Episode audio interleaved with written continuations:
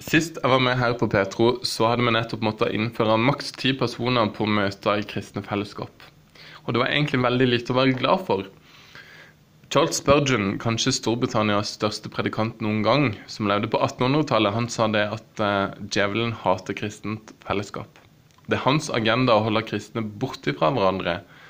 Hva det enn er som kan holde oss borte fra hverandre, så fryder han seg over det.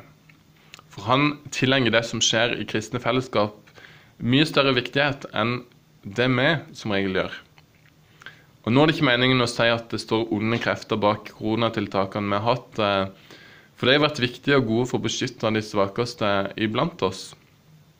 Men kristent fellesskap betyr noe, mer enn det vi tror.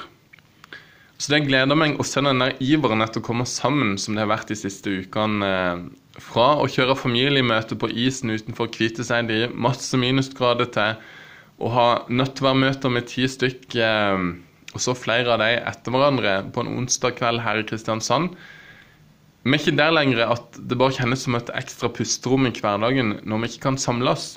Vi savner det faktisk. Og det gjør meg glad at det er en lengsel der. Et ønske om å se hverandre og være sammen. Charles Spurgeon han sa òg at eh, noen kristne prøver å gå til himmelen alene, i ensomhet. Men kristne blir ikke sammenligna med bjørner, med løver eller andre dyr som vandrer alene i Bibelen. Vi blir faktisk sammenligna med sauer. Og sauer de går sammen. Og det gjør òg Guds folk her på jorda.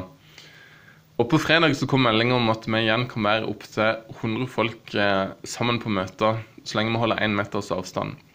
Da ble jeg skikkelig glad. Nå blir det ikke bare streaming eller å se en håndfull folk på møtene igjen. Men vi kan være mange.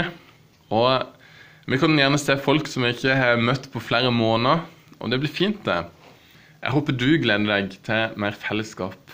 Jeg gleder meg til, til, meg til å sitte på de der kanskje ikke altfor gode stolene igjen og bare være sammen. Sammen og sammen med Jesus. Det blir fantastisk fint. Og Så ønsker jeg deg ei gledelig uke med vers fra Hebreerbrevet 10.24. La oss ha omtanke for hverandre, så vi oppgleder hverandre til kjærlighet og gode gjerninger.